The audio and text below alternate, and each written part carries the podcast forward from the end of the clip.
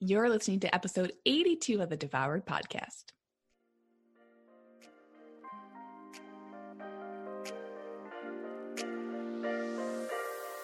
Welcome to Devoured, the podcast for women ready to release the title of Dieter for Good.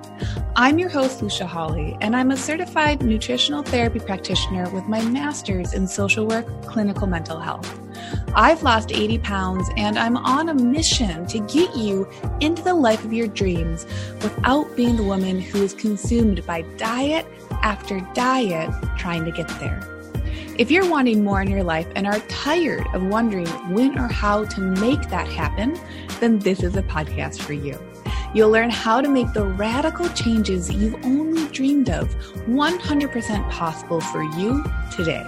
I'm so happy you're here.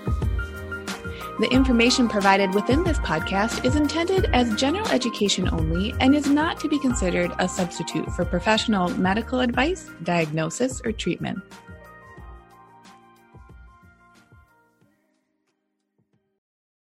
Hey everyone, I'm so very pleased to have you on today's episode. And what we're talking about is I'm going to describe to you what an intuitive healing technique is, how to know if you are ready to add a healing technique or two into your life, and understanding how intuitive healing techniques are helpful. So, what the heck are they? How the heck do I use them? And do I personally want to use them. That's what we're doing in this episode. And stick around because at the end of the episode, I have something really, really cool that I'm going to be offering to you that if today's episode resonates with you, you're going to want to grab, okay? So let me first set the stage by offering a definition of intuitive as well as a definition of healing.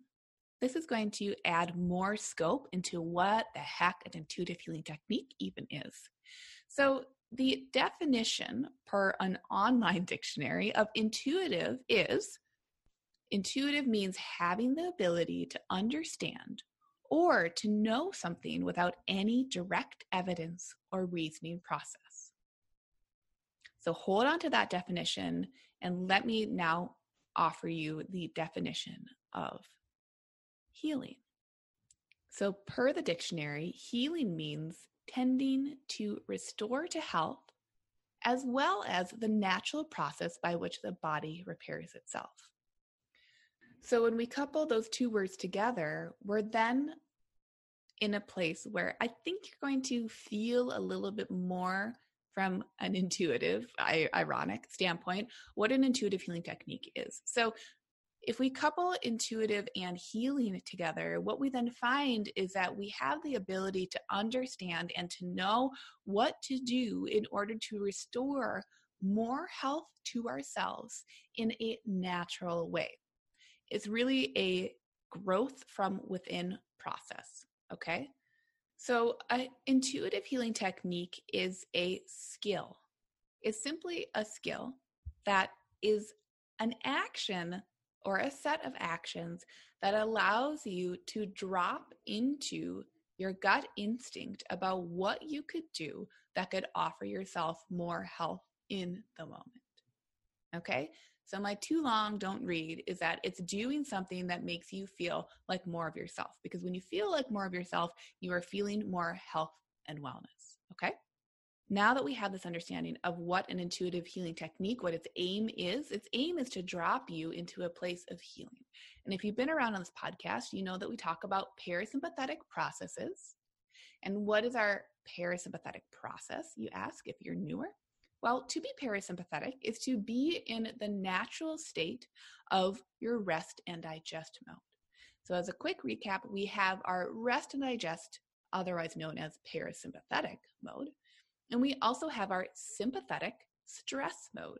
So our body has one of two options. We can either be going through our days in that parasympathetic mode, or we might have some sort of trigger or moment, whether it's psychological or physiological or a combination of both, that then flips us into our stress sympathetic mode.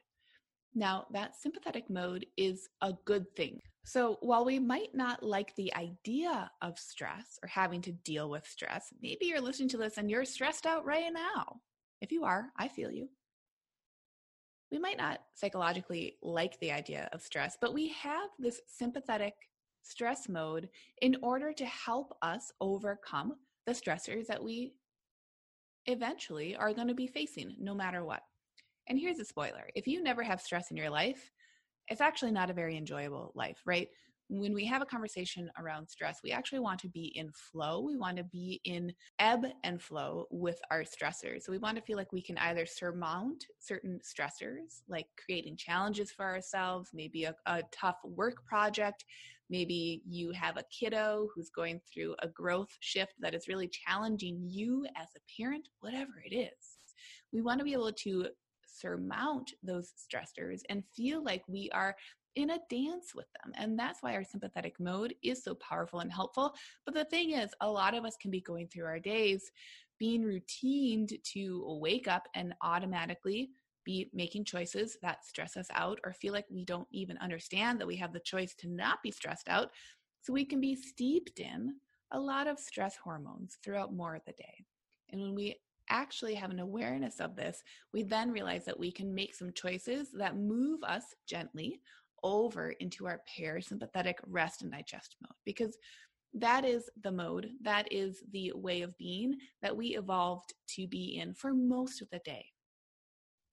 So if you're stressed out but being stressed out, don't worry about it because this is where the intuitive healing techniques drop in.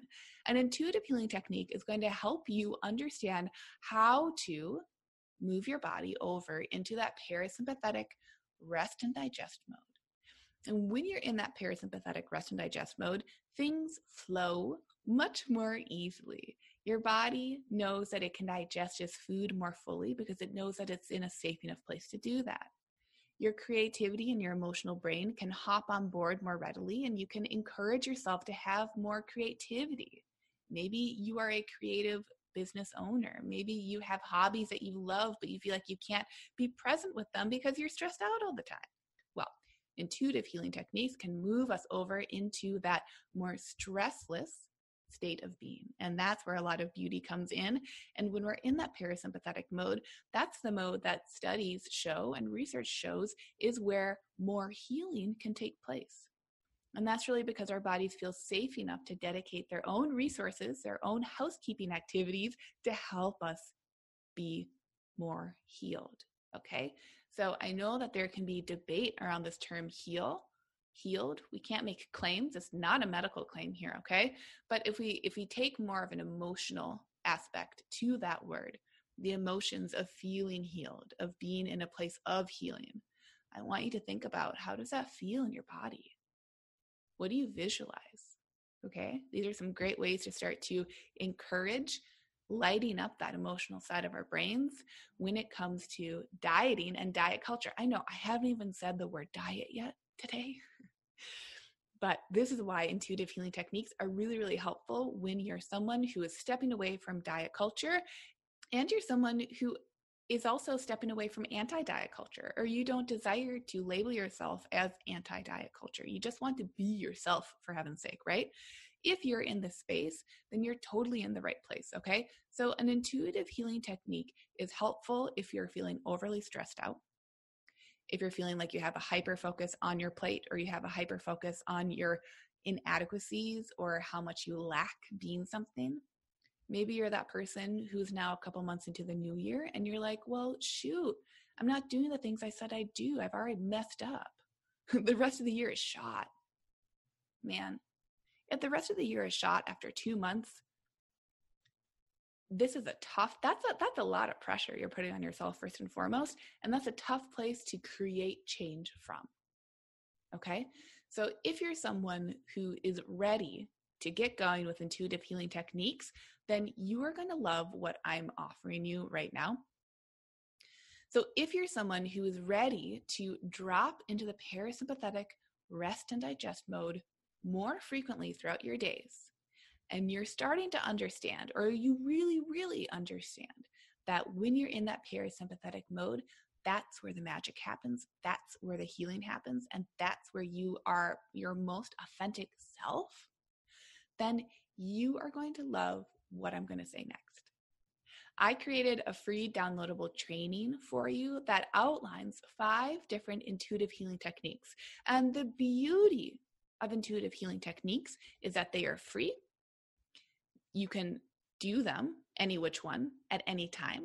And you're always going to know which one to do because that's part of how you build your own intuition, right? So often you say, well, shoot, should I do this? Should I do that? what is helpful for me right now do i need more things on my to-do list do i don't want more things on my to-do list should i take more things off my to-do list i can't believe i'm this yes person who says yes to everything and i'm stressing myself out blah blah blah blah blah blah blah right that's a lot of mental chatter so intuitive healing techniques put the pause button on that chatter and instead what they're doing and when you choose an intuitive healing technique that is taking us out of that analytical side of our brains, which is a really strong muscle. We love to flex that analytical brain muscle 24 7. We take ourselves out of that analytical brain space and we start to wake up and perk up our emotional brains. Okay? And by continuing to flex that muscle, I want you to know right now these intuitive healing techniques, you can't get them wrong, and they're always here to serve you. So there's no need to have analysis paralysis about which one should I do? Did I do it well enough? Did it help me? Am I feeling more intuitive? Am I not an intuitive person? That's all the brain chatter. And that's all the brain chatter that is really leading us to this place. So we can almost thank the brain chatter of saying, oh man, yeah, when my brain chatters a lot, I feel stressed as F. I swear on this podcast, but maybe you're listening in the car. I don't know. Choosing an intuitive healing technique when you choose it yourself, it's always going to be in support and it's always going to be helpful.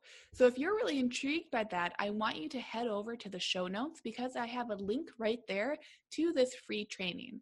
And really, when I say training, all I mean is that I describe to you what the five intuitive healing techniques are, how you can use them, and then you can get up and go. Okay. So it's really actionable. And these intuitive healing techniques are here to serve you. Okay. So jump over to the show notes now, grab your intuitive healing techniques, and start to implement them. Okay. That's your homework for the week. Try one out here and there. If you've had a really stressful day, or if you've had a really peaceful day, the power of an intuitive healing technique is that it's always here to serve you. And that's always going to be a beautiful thing. So, thanks so much for listening to today's episode. Grab that training on the five intuitive healing techniques and then hit me up. Let me know what you think about using them. And we'll see each other on the next episode.